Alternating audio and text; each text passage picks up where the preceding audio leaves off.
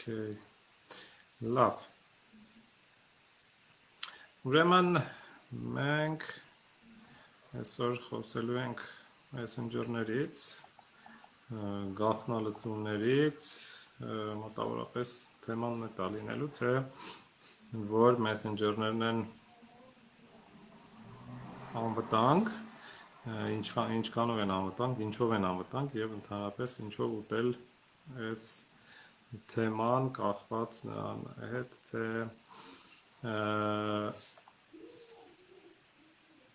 ինչքանով մենք կարող ենք մեր խոսակցությունները պաշտպանել։ Ընթացքում, եթե հարցեր ունեք, բան արեք, ձեն տվեք, որպեսզի ես կամ այսօր պատասխանեմ, կամ եթե թեմայից շատ դուրս հարցեր լինեն, բան կանենք։ Կգցենք հաջորդ օրվա, երևի կարելի է մի հատ էլ դեպքում վաղը հանդիպել։ Ուրեմն եկեք հասկանանք, թե այսօր ինչա կատարվում խոսակցային ոլորտում, այսինքն ոնց են իրականացվում գաղտնալսումները եւ ոնց այդ ամեն ինչից խոսափենք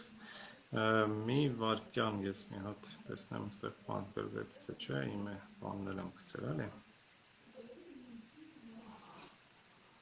մի վարքյան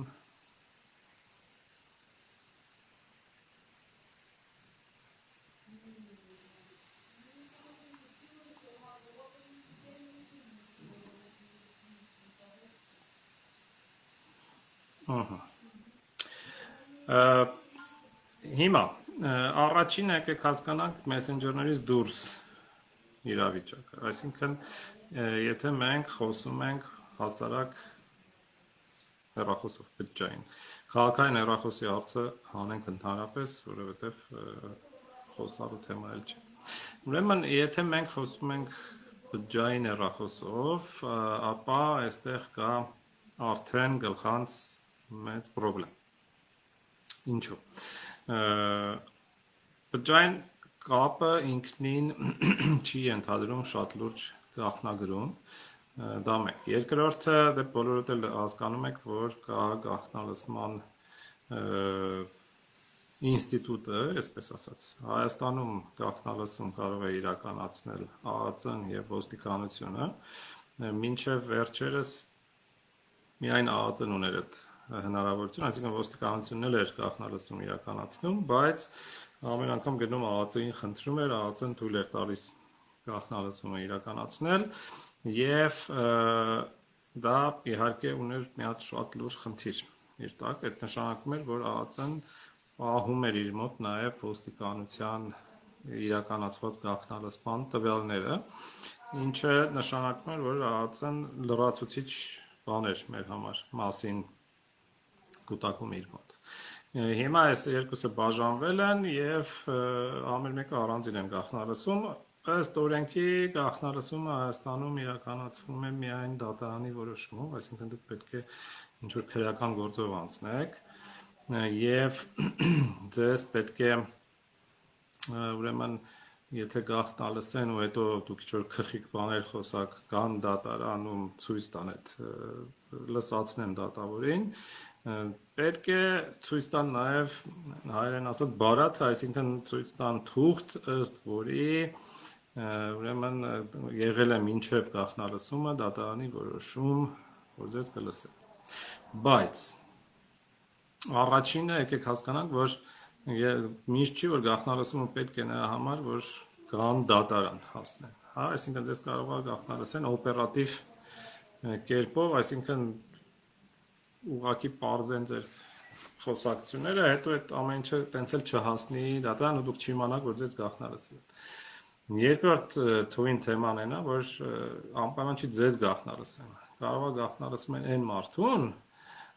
ում հետ դուք խոսում եք։ Այսինքն դուք կարող եք գախնալսման զոհ լինել զուտ այն պատճառով, որ խոսում եք ինչ որ մարդու հետ, ում գաղտնալսում են ու դուք երբեք չեք իմանա նրա մասին, որ ձեզ գաղտնալսեն, որովհետև պարզապես դուք չեք եղել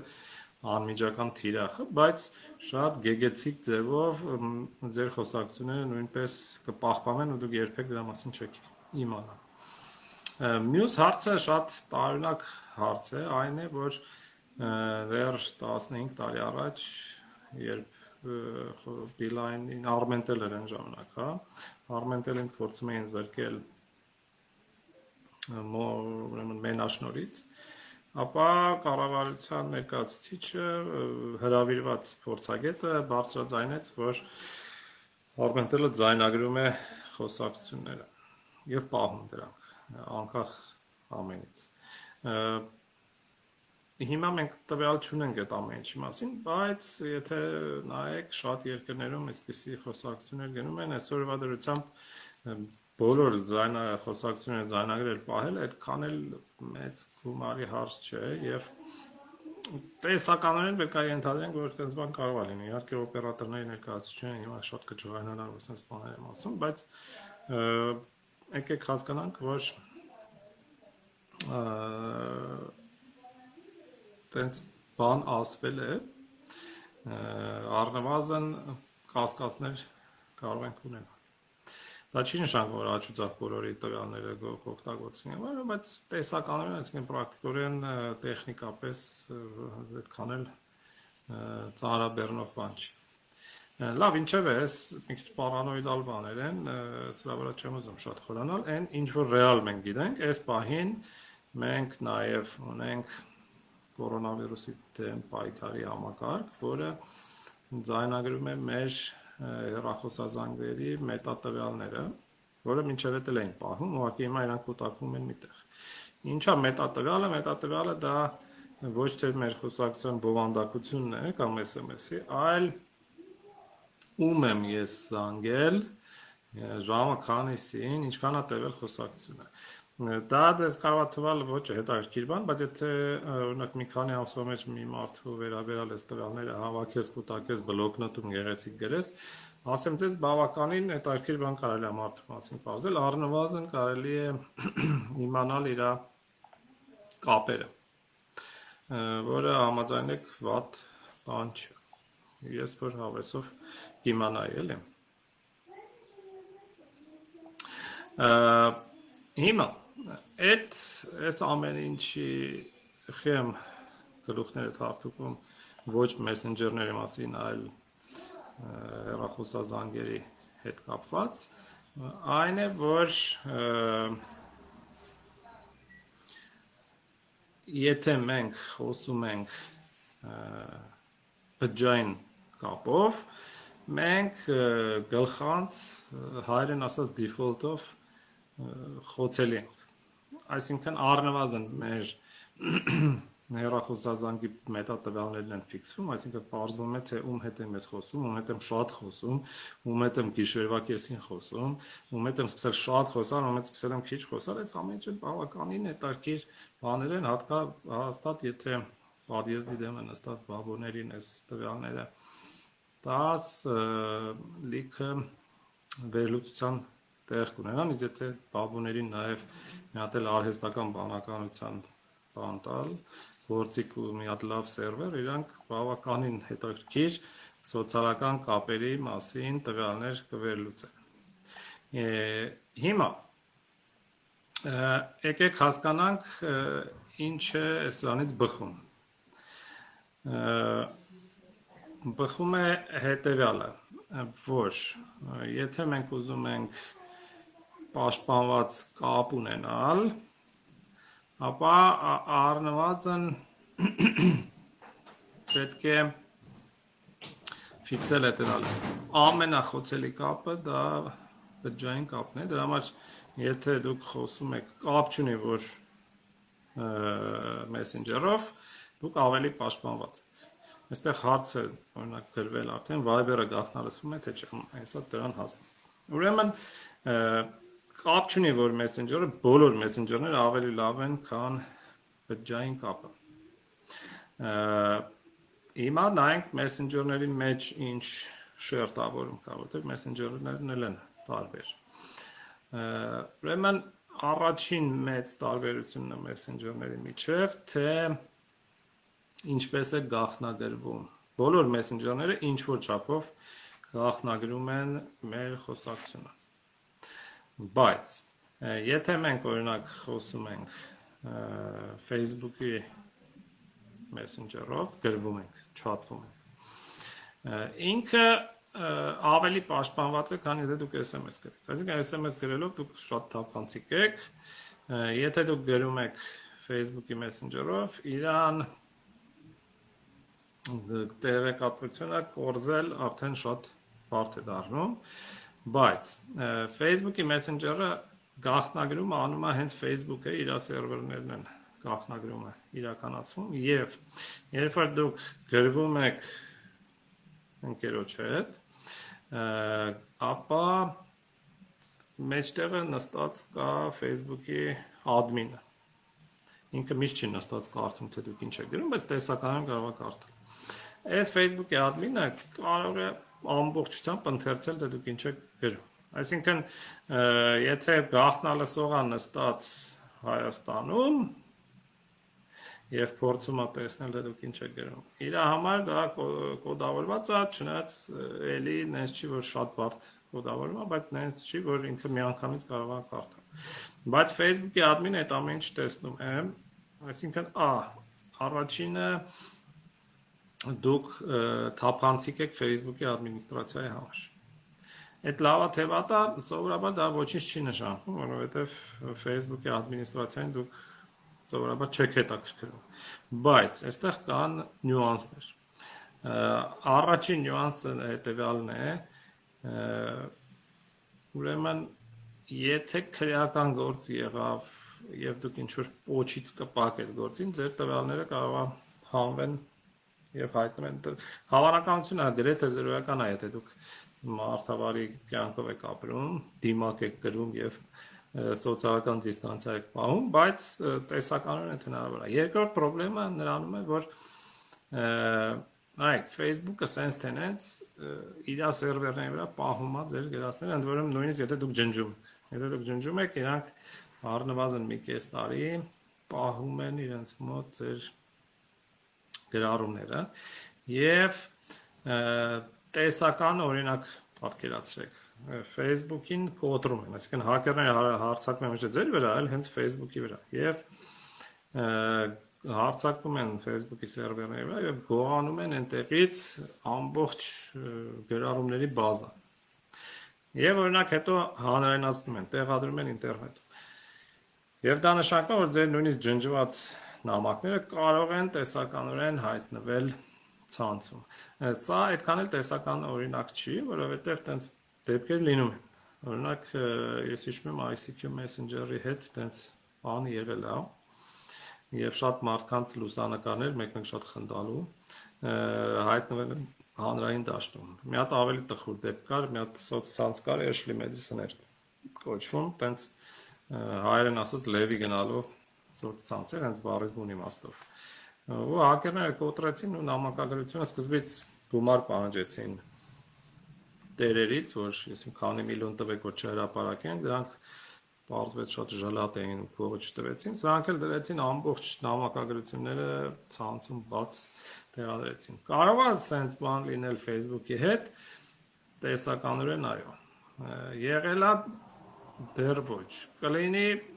ով գիտի, կարող է լինի։ Facebook-ը իհարկե շատ ավելի պաշտպանված է, քան Ashley Madison-ը, բայց մեծ հնարավորություն կա, որ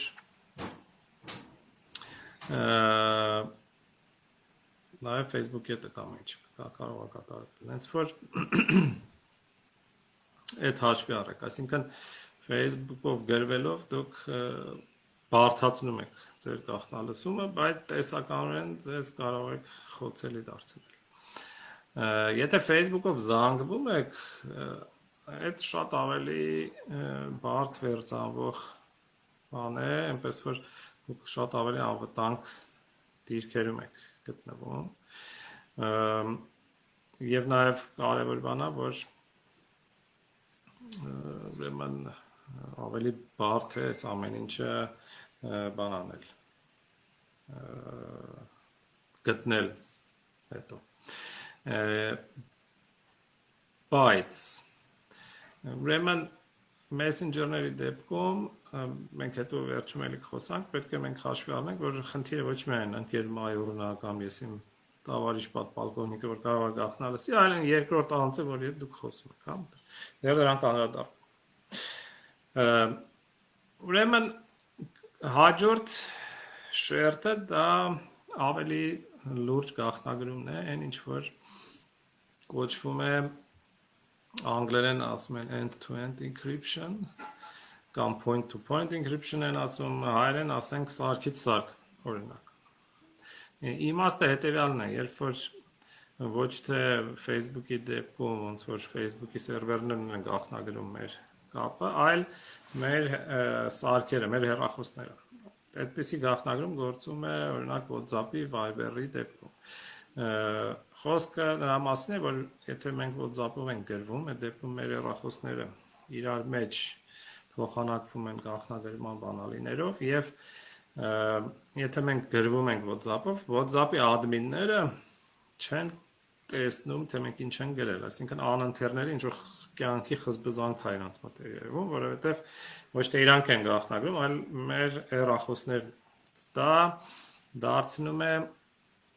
աննկարագրելի ավելի բարդ գաղտնալսումը եւ այս դեպքում եթե դուք խոսում եք WhatsApp-ով կամ Viber-ով ձեր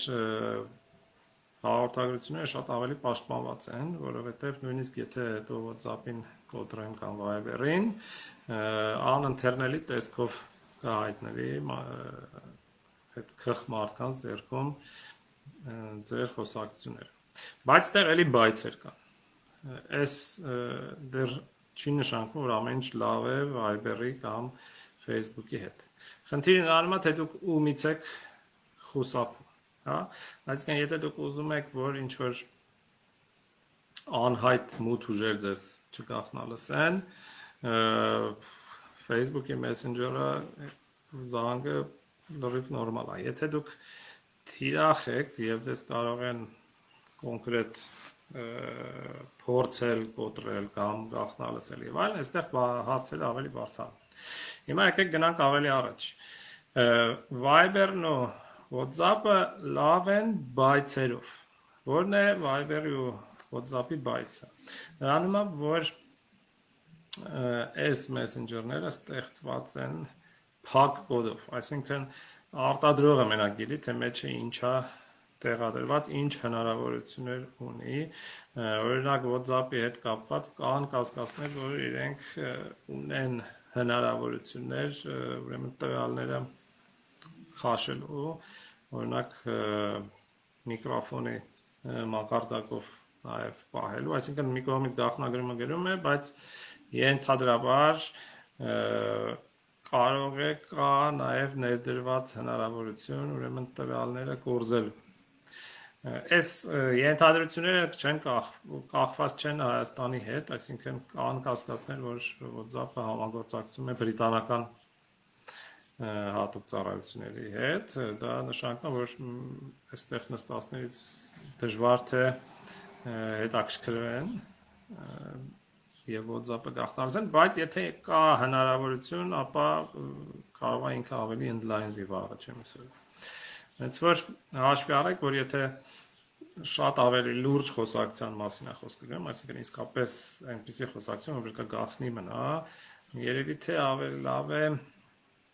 WhatsApp ու Viber չօգտագործել եւ օգտագործել ծրագրեր, որտեղ աշխատում է սարքից սարք end-to-end encryption-ը, բայց կա լրացուցիչ մի ավելի լավ փոփուշ բան, այն է, որ դա ծրագրեր են, որոնք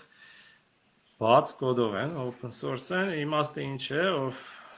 գլուխ չի հանում կարճ բացատրեմ, կան ծրագրեր, որոնք ուրեմն հրապարակում են իրենց ամբողջ ծրագրային կոդ։ Այսինքն յուրաքանչյուր փորձագետ, մասնակետ, ծրագրավորող, որը գլուխը հանում է ամեն ինչից, կարող է կոդերը ընթերցել եւ համոզվել, որ մեջը ոչ մի վատ բան չկա։ Ոչ մի ներդրված բան չկա, այսինքն չունի էս ծրագիրը հնարավորություններ ձեզ բանանելու գաղտնա լսելու, այսինքն լրացուցիչ հնարավորություններ։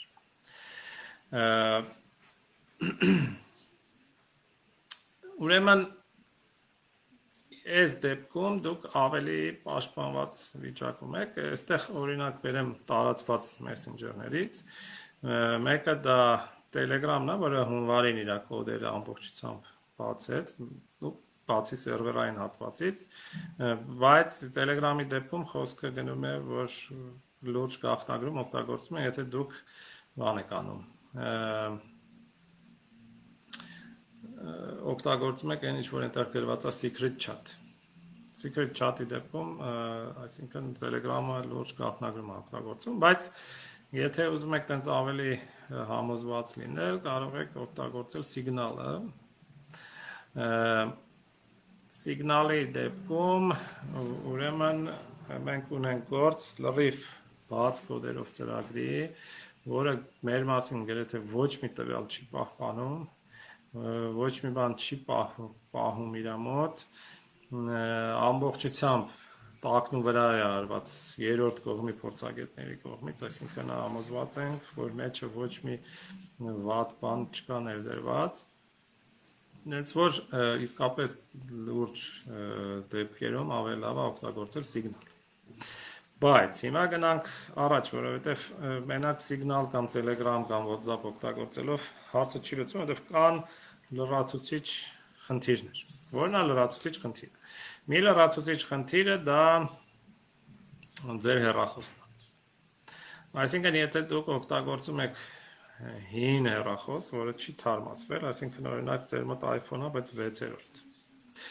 կամ Android-ը, որը վերջին անգամ ծրագրային ոչ թե application-ներ, այլ հենց իր օպերացիոն համակարգը Android-ը վերջին անգամ եթե թարմացվել է նոյեմբերից շուտ։ Այդ դեպքում դուք ունեք հեռախոս, որը ինքնին խոցելի է, այսինքն դուք կարող եք շատ բարդ բան օգտագործեք, ինչ որ սիգնալով գրվեք կամ խոսեք, բայց մեկ է ձեր հերախոսի մակարդակով ձեր դեմ կարող է իրականացվել հարցակում։ Ես այստեղ ուզում եմ շեշտել, որ եթե դուք հասարակ, այսպես քաղաքացի եք, այդքան լուրջ մի մոտեցեք իհարկե, բայց եթե դուք լրագրող եք օրինակ, պետք է ենթադրել, որ ձեր դեմ կարող է իրականացվել նաև փորձ, օրինակ հերախոսի մակարդակով գաղտնալսում իրականացնել, իսկ այդ դեպքում կարևոր է որպեսզի հեռախոսը թարմացված լինի եւ թարմացվող լինի։ Այսինքն եթե ձեր հեռախոսը դադարել է Սերժի բախտերով թարմանալ, դուք արդեն խնդրեմ ունեք, ուզում եք սիգնալ օգտագործեք, ուզում եք Telegram, չի աշխատում, ավելի լավ է անցեք աղոնիկի post-ի։ Մյուս խնդիրը դա ձեր զրուցակիցն է որքանով էլ դուք լուրջ հետևեք ուրեմն անվտանգությունը միշտ խոսակցությունը եթե դուք տենց կարանտինը չի վերել ձեզ այն վիճակի որ ինքն է ձեր հետ եք զրուցում սիգնալով կամ WhatsApp-ով միշտ կա երկրորդ անձ որի հետ դուք խոսում եք այդ երկրորդ անձն էլ է խնդրեմ որովհետև դուք համոզված չեք թե որքանով է ինքը լուրջ հետևում իր հերախոսին օրինակ հաղորդագրություններին, որովհետև գաղտնալսումը հեչ անպայման չի իրականացվի ինչ որ բարդ մեթոդներով։ Գաղտնալսման շատ բարդ ձև կա, ուղղակի վերցնել մարդու հերախոսը, բացել ու կարդալ մեսեջները։ Եվ որpիսի դա տենց չլինի, ինչա պետք անել, երկու կարևոր բան։ Առաջինը հերախոսը միշտ պահել մարմնին մոտ, եթե տանը չեք, այսինքն չթողել սրճարանում սեղանին ու գնալ լվացվելու միշտ պետքա ձեր հետ լինի։ Երկրորդը հեռախոսի վրա պետքա լինի ուրեմն էկրանի փակելու ինչ որ մի միջոց։ PIN կոդ լինի, թե Face ID լինի, թե մատնահետքով, ինչ որ մի բան, որպեսզի ամեն մի շուն ու շանգյալ չկարողանա մտնի բացի ձեր հեռախոսը ու ուղղակի ձեր հաղորդագրությունները կարդալ։ Դուք դա դրան կարող եք հետևել, բայց համոզված եք արդյոք որ այն մարդում հետ դուք գրվում եք, այդպեսն է բնականաբար միշտ չի, որ երաշխավորված է դա, Դրա համար իհարկե Messenger-ներում կարևոր է նաև օգտագործել այն, ինչ կոչվում է տարբեր տեղ տարբեր բան, բայց կարևորը որ դուք լուրջ դեպքերում միացնեք ինքնաոչնչացումը այսինքն գիտեք timer կա որ միացնում եք որպեսզի օրինակ signal-ում ու Telegram-ում դա ներդրված կա Viber-ում secret chat-երում կա իսկ WhatsApp-ում պետք է մատով ամեն անգամ տենց հատ-հատ ջնջեք երբ որ դուք միացնում եք timer-ը ձեր նամակները երկու կողմից վերանում են ինչ որ ժամանակ անց հա այսինքն դուք կարող եք կես ժամ տնել Եվ կես ժամ հետո դուք համոզված եք, երաշխավորված է ձեզ մոտ, որ երկու կողմից կոչնչանան գրածները։ Օրինակ պատկերացրեք, որ ձեզ պետք է գաղտնաբար ուղարկել։ Դա լավ միտք չի գաղտնաբարերը Messenger-ով ուղարկել, բայց միտք չի, որ հնարավոր է պետք է, հա, դեպք կա, որ պետք է։ Ուրեմն այդ դեպքում, եթե դուք միացնում եք ինքնաոչնչացումը,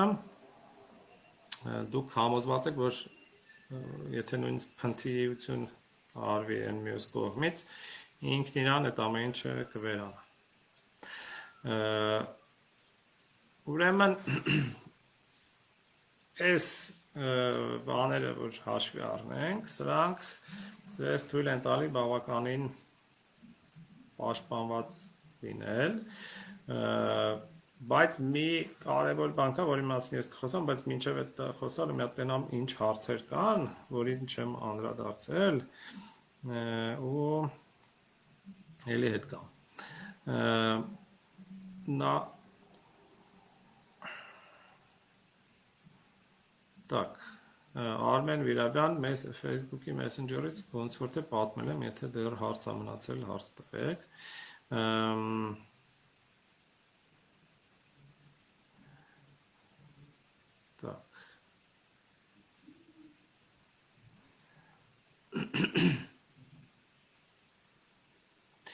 Messenger ջնջված, ջնջված, ջնջված, հեսա էլի կխոսեմ, նկար ուղարկելը, նկարը կամ տեքստը նույն բանն է, հա, գաղտնագրման տեսանկյունից տարբերություն չկա։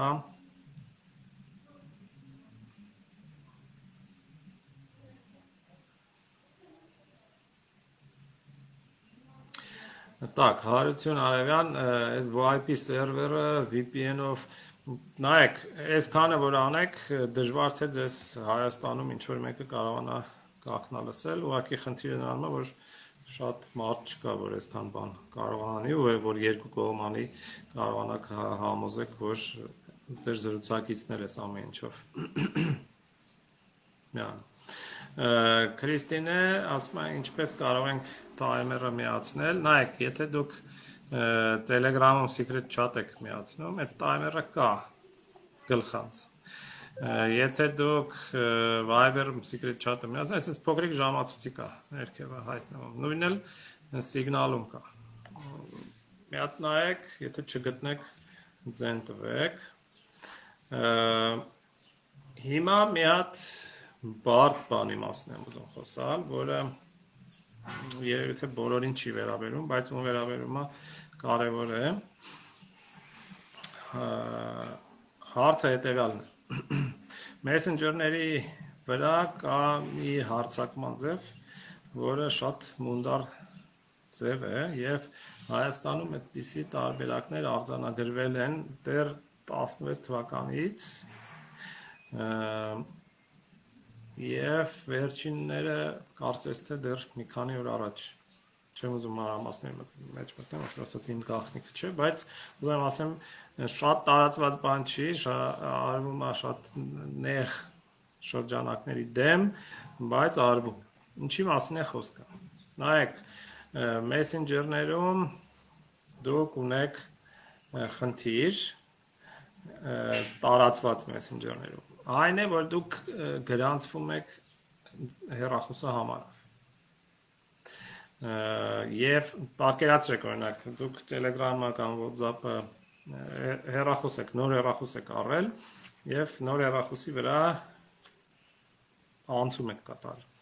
Այդ անցումը կատարելիս դուք ինչ եք անում, նոր հեռախոսի վրա քաշում եք Viber-ը, հետո ասում եք ուզում եմ տեղադրել, ինքը ասում է համարը գրի, դուք համարը գրում եք, ինքը այդ համարին SMS աղարկում, ինչի համար, որ համոզվի, որ դուք եք։ Դուք այդ SMS-ի վրայի կոդը ներմուծում եք եւ Viber-ը համոզվում է, որ այս պահին այս հեռախոսի վրա այս համարի տերն է եւ ձեզ կցում է եւ դուք ստանում եք այդ նույն account-ը, որը ունեիք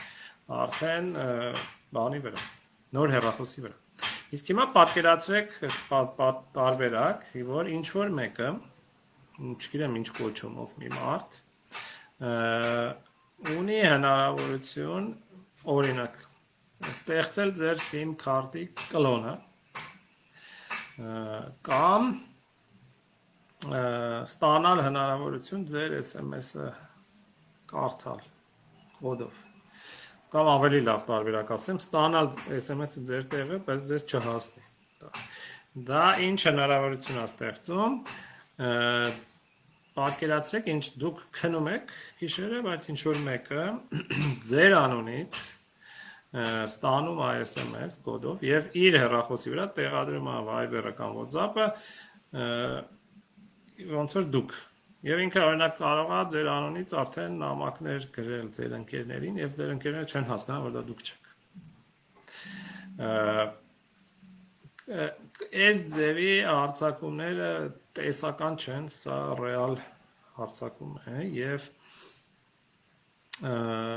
դուք մի մտածեք, այսինքն հասարակ քաղաքացին այս ձևի հարցակման չի ենթարկվի, բայց խոցելի թիրախները, այսինքն լրագրողներ լինեն, թե քաղաքական գործիչներ, հասարակական գործիչներ, տեսականորեն կարող են ենթարկվել այսպիսի հարցակման եւ ինչ անել սրա դեմ։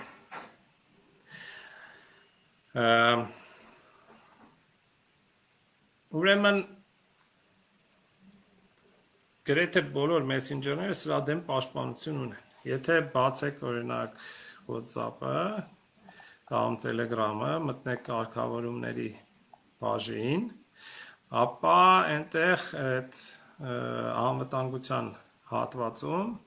WhatsApp-ում դա account բաժինն է, որ բանալի է նկարած, այդտեղ կա two step verification-ը գրած։ Telegram-ի դեպքում ուրեմն էլի կարգավորումները, եթե մտնեք, այստեղ զուգահեռ կան որ լավ անգից չեմ հիշում, privacy and security բաժնում, էլի two-step verification-ա կոչվում։ Signal-ի մոտ մի քիչ ուրիշ է, signal-ի դեպքում պետք է մտնեք settings privacy confidential-ն է երևի ռուսերեն, ու ամենաներքևը կա registration log։ Երևի բլոկիրվանյա ռեգիստրացիա, ինչ որ տենց մի բան։ Ներքևի կետն ամենա։ Ինչն է սրա իմաստը։ Դուք հատուկ PIN կոդ եք ստեղծում, ոնց որ password, որը հիշում եք բնականաբար, չեք մոռանում։ Ինչի համար է, եթե ինչ որ մեկը որոշի ձեր անունից գրանցվել Signal-ում, Telegram-ում կամ WhatsApp-ում, ինքը SMS-ը կստանա, կփորձի գրանցվել ու դրանից հետո WhatsApp-ը կամ Signal-ը կասի թույն է, որ դու ուզում ես նոր հեռախոսի վրա ինձ վերագրանցել, բայց հիմա մի հատ PIN կոդն էլ ասա, որ համոզվեմ, որ հաստատ դու ես նոր թույլ կտամ գրանցվես։ Ու այստեղ այս չարամիտ քխ մարդը, այս մեշոկ պապին, ուրեմն մատը կծում է, որտեղ ինքը PIN կոդը չգիտի։ Սա թույլ է տալիս ձեզ համոզվել, որ ձեր account-ը չեն տանի եւ չեն բանանի ձեր ոնց որ ինքնությունը չեն գողանա։ Viber-ը այս տեսանկյունից լավը չի, որովհետև ինքը չունի սա։ Հուսամ որ թարմացնել հուսակայտնի, բայց դեռ չունի։ Առաջինը այս two step verification-ը, այս PIN կոդը ներմուծեց Telegram-ը դեռ երևի մի 5 տարի առաջ, երբ որ զանգվածային արձակում եղավ ընդդիմադիր ռուսաստանյան քաղաքական գործիչների դեմ հենց Telegram-ում եւ լիքը մարդու հաշիվները տարան ու բնականաբար այստեղ իրանք ոտու ձեռ ընկան, որ ուրեմն պաշտպանեն մարդկանց։ Սա արժի ունենալ տունատեղ այդ pin կոդը արժի տեղադրել։ Այստեղ լավ հարց հայտնվեց, որ արխիվացումը, նայեք WhatsApp-ը օրինակ, եթե դուք միացնում եք արխիվացումը, ձեր տվյալները տանում գցում է Google Docs ձեր Gmail-ից ուրեմն Google Drive-ի մեջ դոկեր է սարքում, որոնց մեջ ձեր չաթերը պահում է ու բաց տեսքով։ Համար ես օրինակ գերադասում եմ արխիվացումը չմիացնել, բայց եթե ձեր համար ուրեմն թանկ են ձեր նամակները, վերջի վերջո մեր մեջ կարող կան պոետներ եւ գրողներ, որ հետո պետքա իրանց բանը ուրեմն հատորյակների մեջ նաեւ նամակագրությունը հրապարակվի եւ ված չէր լինի օրինակ որ WhatsApp-ի էս վերցանումները ասենց հատորներով լինեն ուրեմն եթե ուզում եք պահպանել ձեր արխիվները ապա այստեղ մենք գալիս ենք երկրորդ լուրջ խնդրի, որի մասին երևի թե խոսենք հաջորդ հանդիպման, ինչպես պաշտպանել ձեր account-ները, հաշիվները, այսինքն դուք պետք է ձեր Gmail-ն էլ պաշտպանած ունենաք, որpիսի համոզված լինել, որ ձեր WhatsApp-ի օրինակ backup-ները չեն կարդա։ Նենց որ այստեղ թվում է թե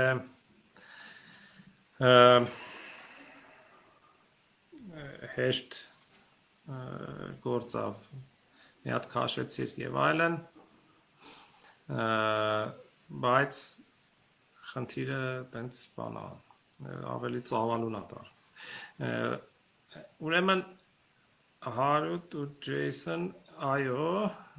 եթե SIM քարտի կլոն են անում ձեր SIM քարտը դադարում աշխատել ու WhatsApp-ներ որ բացվեն ձեր WhatsApp-ը դուրս է գցում բայց այդ մարդիկ ստանում են հնարավորություն օրինակ ձեր անունից գրելու պատկերացրեք գիշերը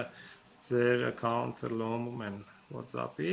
ու ձեր անունից գրում են ձեր ընկերոջը ասում են հələ մի հատ այն որ քեզ բան է password-ը ուղարկել մի հատ նորից կուղարկես իմը կորել է հա այսինքն այստեղ խոճուճ տարբերակների մասին է խոսքը գնում երբ որ ձեր անունից փորձում են բան անել նամակագրությունը վերականգնել, օրինակ կամ մի ձևով ձեր backup-ները քաշելով, կոտրելով ձեր Gmail-ը, բայց դրա մասին հաջորդ դասին կամ փորձելով ուրեմն բան անել։ Օրինակ գրվելով վերականգնել։ Իսկ դուք համոզված չեք լինի, որ նույն մարդու հետ եք նույն մարդու հետ չեք խոսում։ Սա ընդհանուր առմամբ դա է, այստեղ էլի հարցեր ինչ հեռախոս օգտագործել։ Նայեք, հեռախոսի դեպքում, եթե կարճ, սենց է, թանկ տարբերակը առնել iPhone ու տենց շատ հետ չնգած iPhone հիմա, որը որ շարունակում է թարմանալ։ Եթե ուզում եք Android, ապա կամ Google Pixel-ներից օգտվեք, որոնք Google-ը այսպես երաշխավորված երկար թարմացնում է եւ ամենաառաջնայինն է թարմանում, այսինքն Google Pixel ունեցողները ամեն ամսվա ամսի 5-ին ստանում են անվտանգության թարմացում կամ մտեք android.com/one android one տենց կոչեցալ ծրագիր կա, որը ուրեմն Google-ը արտադրողների հետ ունի պայմանավորվածություն, որ իրանք ունեն հեռախոսներ, որոնց վրա մաքուր Android է։ Եվ դրանք թարմանում են մի քիչ ավելի ուշ, օրինակ իմ Pixel-ը արդեն թարմացել է, իսկ Android One-ով հեռախոսը դեռ մի քանի օր չի թարմանում այսինքն իրանք մի քիչ ուշացում են թարմանում, բայց մեկը երաշխավորված մոտավորապես տենց մի շաբաթ 10 օր հետո թարմացումը գալիս է։ Իհարկե այդ 10 օրը ինչ որ դեպքերում կարող է ճակատագրական լինի, բայց Հայաստանը այն երկիրը չի, որտեղ հատուկ ծառայությունները ինչ որ են ամենաթարմ հարցակման մեթոդները ունենան, այնց որ ինձ թվում է էլի կուտվի։ Ու Android One-ը լավ է, որ օրինակ Pixel-ը արդեն թանկ է, էլի, արդեն իսկ այդպես մեքենայի գնի է դարել, համարը iPhone-ի գներին է, հասել, իսկ Android One-ում կան էժան հեռախոսներ, որոնք նույնպես թարմացվող են, եթե ուզում եք հետևել այդ կանոնին, լավ կլինի դրանցից օգտվել։ Ինձ թվում է ձեր գլուխները տարա, հարցերից ենթադրում եմ, որ հաջորդ անգամ արժի խոսել ընդհանուր առմամբ ոնց պաշտպանել account-ները, այսինքն mail-ը կամ հայերեն ասած mail-ը, Facebook-ը եւ այլն, այսինքն դա իրականում նույն բանն է իրականում Gmail-ի պաշտպանությունը ու Facebook-ի պաշտպանությունը առանձնապես իրարից չեն տարբերում։ Մի քանի կանոն կա, որի հետևելով կարելի է այսպես 99 ու 9%-ով պաշտպանված լինել, հենց որ առաջարկս այնա որ հաջորդ անգամ դրանից խոսանք Քրիստինա ջան մենք խոսեցինք սկզբից որ իրականում պահում են այսինքն եթե սոցցանցերով դուք գրվել եք ու ջնջել եք ձեր նամակները երկու կողմից, իրենք պահում են ԱՄՆ-ում, եթե չեմ սխալվում, օրենքով պարտադրված կես տարի պահում են ձեր նամակները, հետո բացարձակ չի նշանակում, որ հետո ջնջում են։ Ռուսաստանում ավելի լուրջ է, այնտեղ օրենքը շատ բան, հիմա մի տարի է պահանջը, եթե չեմ սխալվում, ուզում էին երկու տարի անեն, հետո զգացին, որ տեխնիկապես շատ թանկ է նստում վրեքները, բայց կարճ ասած իմացեք, որ եթե դուք ջնջել եք, դա չի նշանակում, որ ջնջվել է։ Դրա համար պետք է օգտագործել այն messenger-ները, որոնք end-to-end encryption ունեն, որ նույնիսկ եթե չեն ջնջում, մեկը կարդալ չեն կարող։ Դրա համար ճիշտ է կարևոր խոսակցությունները սիգնալով անել։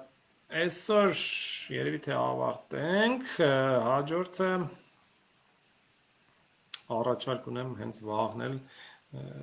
ելքի հետ գցենք, վաղը խոսենք account-ների պաշտպանություն, այսինքն ոնց պաշտպանել mail-ը ու Facebook-ը Թամարա ջան, այդ անսպասելի ջնջվելն էլ ասեմ ու իրար հրաժեշտ տանք սովորաբար անսպասելի ջնջվել, եթե ձեր Facebook-ը անսպասելի ջնջվել է, ամենայն հավանականությամբ դուք ինչ-որ կանոն եք խախտել հակերները որ կոտրում են կամ ինչ որ տրնգի են ապարում այդ էջի վրա, որ ցույց տան որ կոտրել են կամ մեջից ինչ պետքա քաշում են ու դուրս են գալի, տենց ջնջելը սովորաբար չի լինում։ Դե լավ, վաղը երևի էլի տենց 12-ին հեսա մեր գցեմ բռնեմ հայտարարությունը կդնենք։ Մնաք բարով։ Այս կթողեմ լայվը, հենց որ կմնա Եթե ինչ որ բան բացեք, թողել գնայինք։ Ցե։